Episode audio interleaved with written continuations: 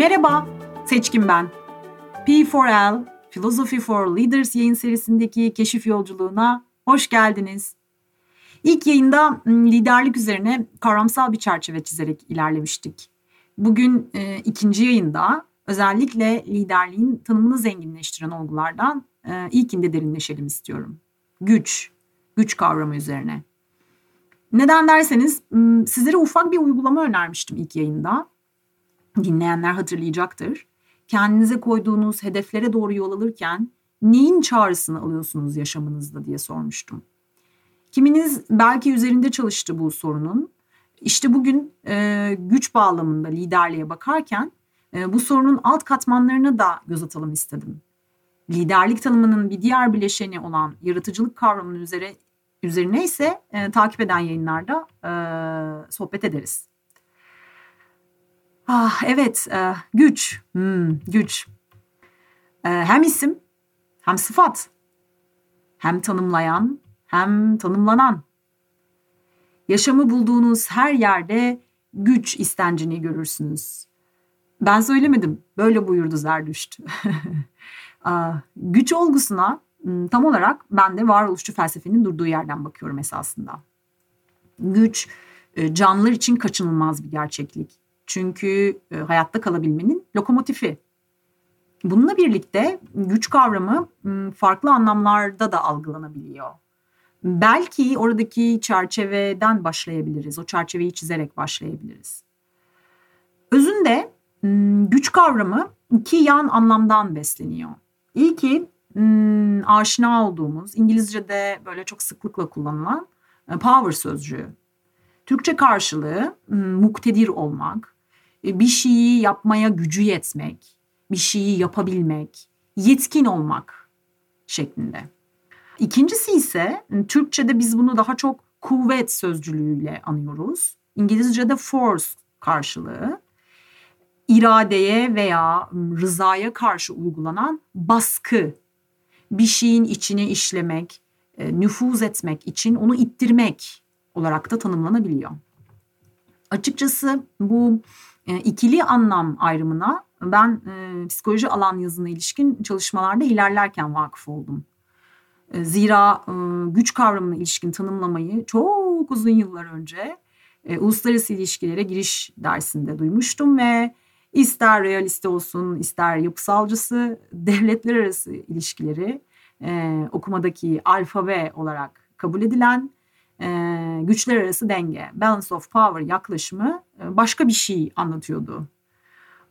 Oradaki güç algısı o zamanlar içinde bulunduğum rahle-i tedrisatın sağlamasını alırmışçasına daha çok sistemle ilgili bir şey olarak ifade ediliyordu. Hiç bireyle ilgili boyutunu düşünmemiştim. Daha doğrusu bu yönde rehberlik de almamış olabilirim. Ah, akademideki yolculuğum devam ederken güç üzerine m, tırnak içerisinde söyleyeyim e, yumuşatılmış e, örneklerle karşılaşmaya başladım.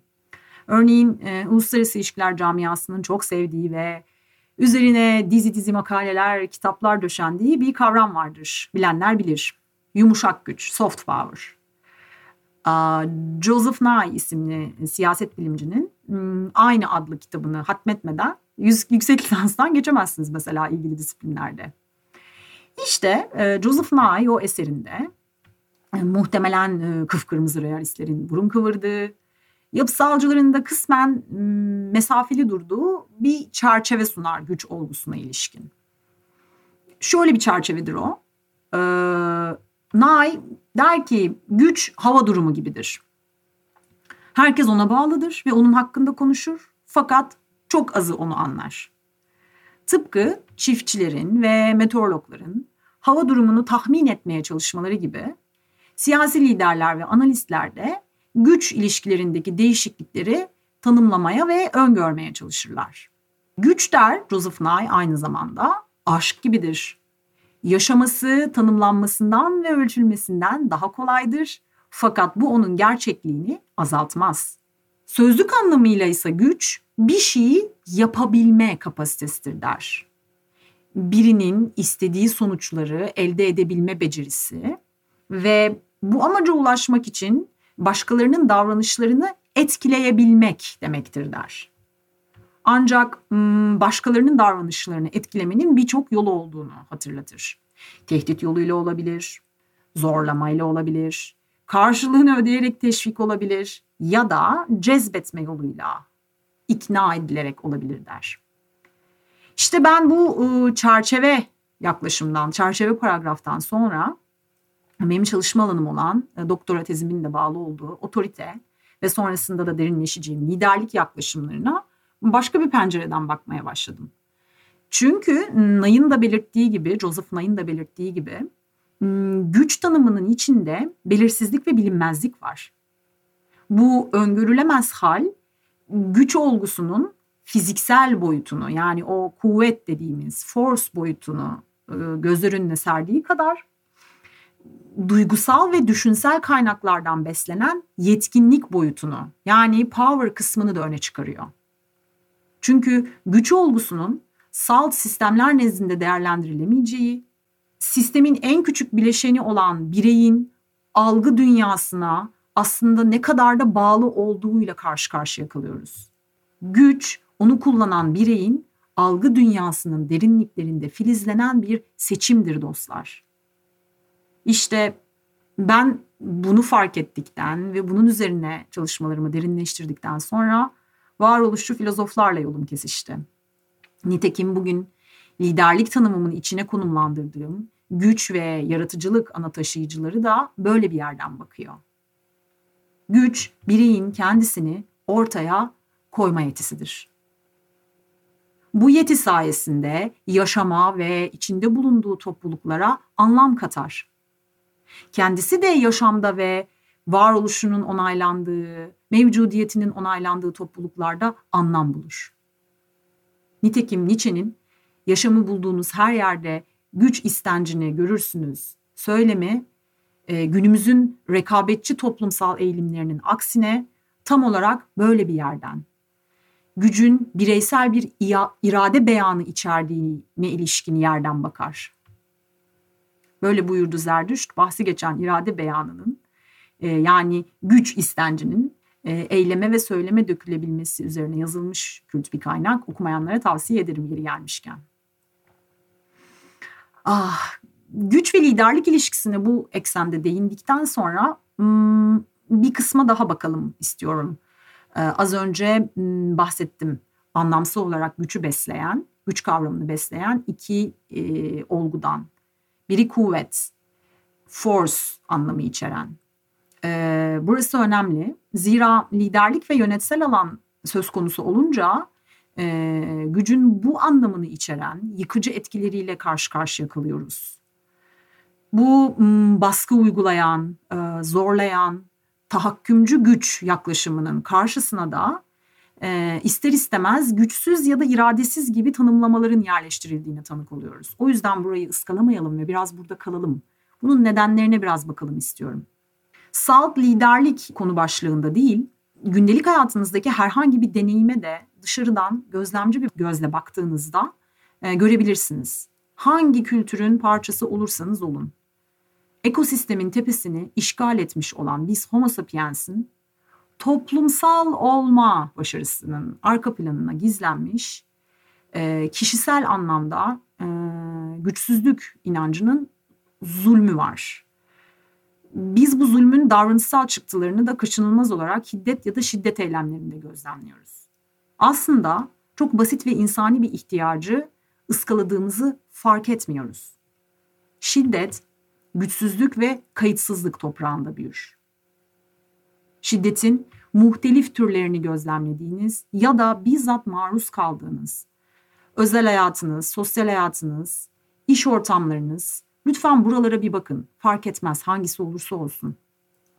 Tüm topluluklardaki eylemler öz saygı tesis edememiş, öz değerlerinin idrakında olmayan, öz imgelerini savunamayan, kendisine ait benlik algısını, kendi kimliğini savunamayan, kendisinin de önemli ve değerli olduğunu, mevcut olduğunu ifade edemeyen insanlar tarafından bu hiddet ve şiddet eylemlerini gözlemliyoruz. Biz de eğer bu bağlamda öz saygımızı tesis edememişsek, öz değerlerimizin idrakında değilsek aynı davranış setini sergiliyoruz. Çünkü güçsüz kılındık. Biz insan evladı temas odaklı bir varlığız sevgili dostlar. Varoluşumuza dair en temel referans noktamız temas. Bir e, karanlık bir odaya girdiğinizi düşünün. E, o odada yönünüzü bulmak için ilk ne yaparsınız? Elinizle bir yerlere dokunmaya çalışırsınız, temas edersiniz. İşte böyle bir şey. Sözlü ya da sözsüz, olumlu ya da olumsuz, koşullu ya da koşulsuz. Yeter ki temas alabilelim ve verebilelim. Hatta hiç temas iletisi alamamaktansa olumsuz temas iletisine bile razı olma eğilimimizin arkasında tamamen varoluşsal bu kaygının, e, ihtiyacın izlerini bulabiliriz. Bu nedenle, bu nedenle bir bireyi yok saydığınızda, ona e, kayıtsızlık geliştirdiğinizde, onu duymadığınızda, görmediğinizde, e, onun mevcudiyetini onaylamadığınızda onu güçsüz kılmış oluyorsunuz. Biz de böyle güçsüz kılındık. Ya da biz de diğerlerini böyle güçsüz kıldık. Güçsüz kıldığınız bireyin şiddeti kontrol edebilmesinin değil, şiddeti körüklenmiş iç dünyasının yıkıcılığıyla böyle karşılaşıyoruz. Şiddetin gücün fazlalığının değil, güçsüzlüğün ifadesi olduğunu anlayabildiğimiz an liderin gücüne sahip çıktığı an bana sorarsanız. Hal böyleyken güç olgusunun kuvvet kısmını yani force kısmını kendisine yol arkadaşı edinmiş bir liderin duygularına, duygusal ihtiyaçlarına kayıtsız kalmasının izlerini yaşıyoruz, takip ediyoruz. Özüne ekilen bu tohumun büyüyüp filizlendiği bir ağaç ise onun liderlik üslubunun canlı örneği haline alıyor. O lider artık öyle bir ilhama dönüşmüş oluyor. Toplumda ona bakarak öyle olmayı isteyen insanlar rol model alıyorlar o kişileri. Ya düşünün bakalım. Lider kabul ettiğiniz insanların çevrelerinde nasıl bir iklim yarattığını, genel hatlarıyla bunu içinde yaşadığımız topluma kadar dayandırabiliriz.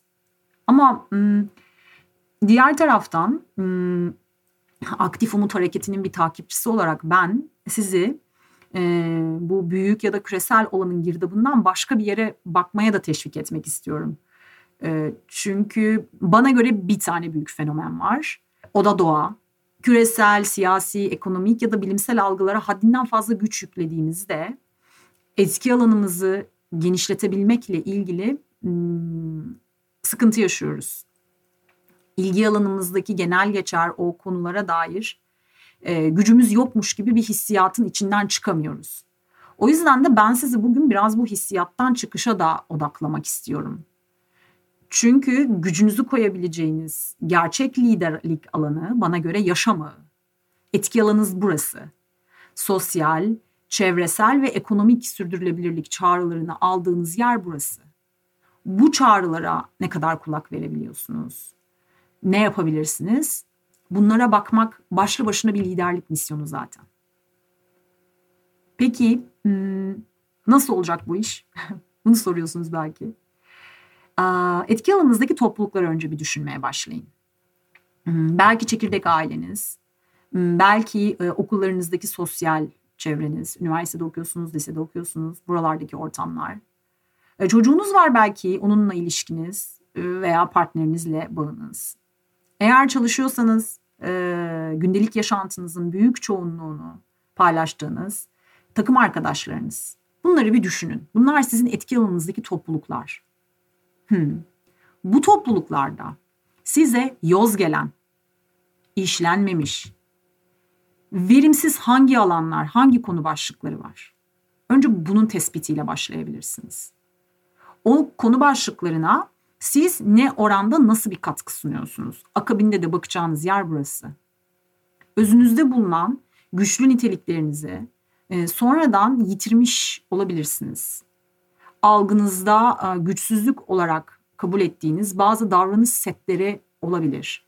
Ve bu setlerin içerisinde bir miktar hiddet ve şiddet de barındırıyor olabilirsiniz. Bunun alt kırılımı duygular yaşıyor olabilirsiniz. Öfke, kıskançlık, haset, yas, çaresizlik, umutsuzluk. Okey. Bunların hepsi cepte, heybede.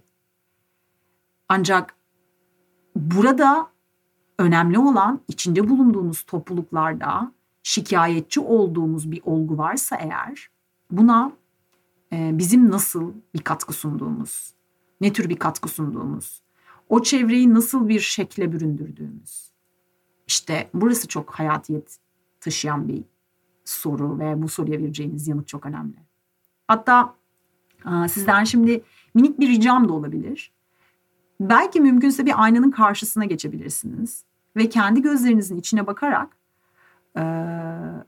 bu cümleyi, bu soruyu yüksek sesle tekrarlayabilirsiniz. İnsan kendi gözlerinin içine bakarken yüreğinden sessizce gelen yanıt gücüne dair nasıl bir yön verdiğini fısıldıyor. Sizin liderlik üslubunuzun derinliklerinde de öyle bir yanıt var. O giz nasıl bir şey? İşte bunu öğrenebileceğiniz yegane deneyim böyle bir an. Aldığınız yanıt hoşunuza gidiyorsa harika. Bu yolculukta gücünüzün idrakına varmışsınız demektir. Aldığınız yanıt hoşunuza gitmiyor olabilir. Dertlenmeyin, yalnız değilsiniz. Sizin gibi gizil gücünü, potansiyelini ortaya koyma konusunda bugüne kadar hatalı veri setiyle ilerleyen çok insan var. E, veri setini değiştirmeye niyetlenenler P4L yayınlarını takibe devam edebilirler. Nitekim e, bu süreçte e, yol arkadaşlığı yapabilmek niyetim. Ama veri setim veri setinin hatalı parçalarını fark edip yeniden düzenleme yolculuğuna e, ben de sizler gibi böyle bir eşikten geçerken başladığım için o nedenle yalnız değilsiniz kısmını hatırlatmak istedim. Çünkü e, bu çığlık hepimizin çığlığı.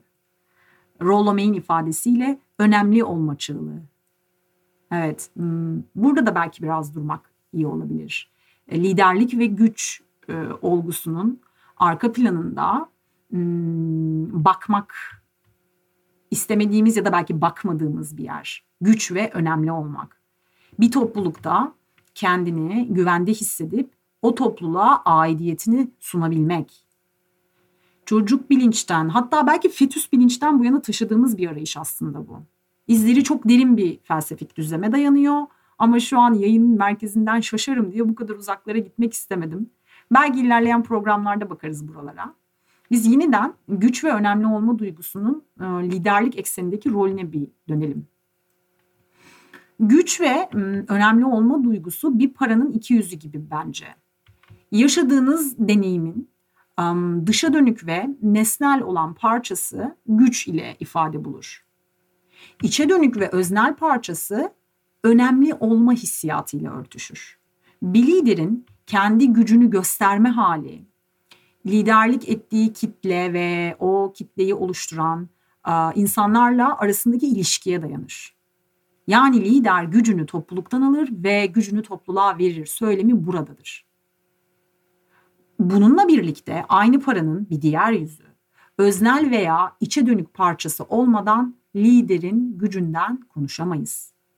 Çünkü kendini önemli, değerli ve yeterli kabul etmeyen, onay ve takdiri sürekli dışsal bir motivasyon kaynağına bağlayan liderin önemli olma duygusu bir çığlığa hatta canhıraş bir haykırışa dönüşür. İşte az önce bahsettiğim şiddetin ve hiddetin muhtelif türlerini davranışsal olarak dışarıda gözlemlediğimiz siyasiler, yöneticiler, patronlar, anneler, babalar ya da ne bileyim sosyal etki uzmanları gibi tipolojiler tam olarak böyle bir sarmalın içinden geçer. Çünkü önemli olma duygusu yok olunca birey dikkatini önem duygusunu ikame etmek için farklı ve sıklıkla kuvvet bağlamına yani force bağlamına yakın düşen güç biçimlerine yöneltir. Dostlar, liderler, yaşam biz onunla ne yapıyorsak odur. Yaşam senaryosu mu yazıyorsunuz? Ortaya bir resim mi çıkartıyorsunuz? Bir heykelci misiniz? Bestelediğiniz eserde ne görüyorsunuz yaşamınızda? İşte o. Zorlu koşullarla yaşama başlamış olabilirsiniz.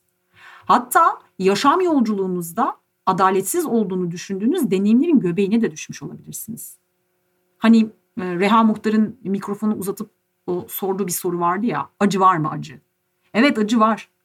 var. Olayın hikmeti acı deneyimlerin içinden geçerken yaşamla ne yapmayı seçtiğinizde. Nasıl yapacağınıza odaklanırsınız ama o zaten kendiliğinden önünüze düşer. Belki de bu yayınlar size düşünsel bir kapı açar bilmiyorum. Ama ne sorusu nasıldan önce gelmeli? İlk önce yaşamınızda ne yapacaksınız? İşte burada durun. Liderlik ettiğiniz, liderlik edeceğiniz alana, kitleye bu noktadan bir kez daha bakın. Güç budur çünkü. Ve unutmayın. Gelişmek e, ileriye doğru düzensiz seyreden bir hareket. Bazen iki adım öne gitmişsiniz, bazen bir adım geriye düşmüşsünüz gibi hissedebilirsiniz. Bunun idrakında olun ve o bir adım geriye düştüğünüzü sandığınız yerde de durun. Çünkü o yer sizin bir sonraki adımı atacağınız yerden önceki dinlenme durağınız. Güç buradan doğar. Sizlere bu yayının sonunda üzerine belki yazarak çalışmak isteyebileceğiniz birkaç tamamlama cümlesi bırakmak istiyorum. Bu cümlelerden gelen çağrışımlar üzerinden bana e, yazarsanız ya da sesli mesaj bırakırsanız ilerleyen yayınlarda birlikte üzerinde derinleşebiliriz. Şimdi çocukken okuduğunuz ve çok etkilendiğiniz bir kitabı ya da izlediğiniz ve hiç unutamadığınız bir e, filmi düşünmenizi istiyorum. O kitaptan ya da filmden bir karakteri seçin ve yazın lütfen. Bu karakter nasıl bir karakter? Hangi fiziksel özellikleri var? Hangi duygusal, düşünsel ya da ruhsal özellikleri var? Ve bu özellikler neden var? Ne işe yarıyor yani bu özellikler? Diğerlerine hiç bahsetmediği, göstermediği güçleri olabilir mi? Eğer varsa onları neden saklıyor? Bu karakter nasıl bir çevrede, nasıl bir ortamda? Fiziksel olarak, düşünsel olarak. Etrafında kimler var? Ve etrafındaki bu insanlar destekçi mi, köstekçi mi? Nasıl bir senaryo yazıyorlar mesela birlikte? Nasıl bir film çıkacak ortaya? Nasıl bir kitap çıkacak? Kazanan bir kurgusu mu var bu senaryonun? Kaybeden bir kurgusu mu? Belki banal ya da sıkıcı bir kurgusu da olabilir. İşte bunları böyle yazdığınız ilk oturumda size önerdiğim kalemin kağıttan hiç kalkmadığı, imna kurallarına dikkat etmekle uğraşmadığınız bir 10 dakikanızı 15 dakikanızı ayırabilirsiniz. Bakalım neler dökülecek kaleminizden. Bir sonraki yayında buluşana kadar kendinize dair keşif odağına demir attığınız günler diliyorum. Hoşçakalın.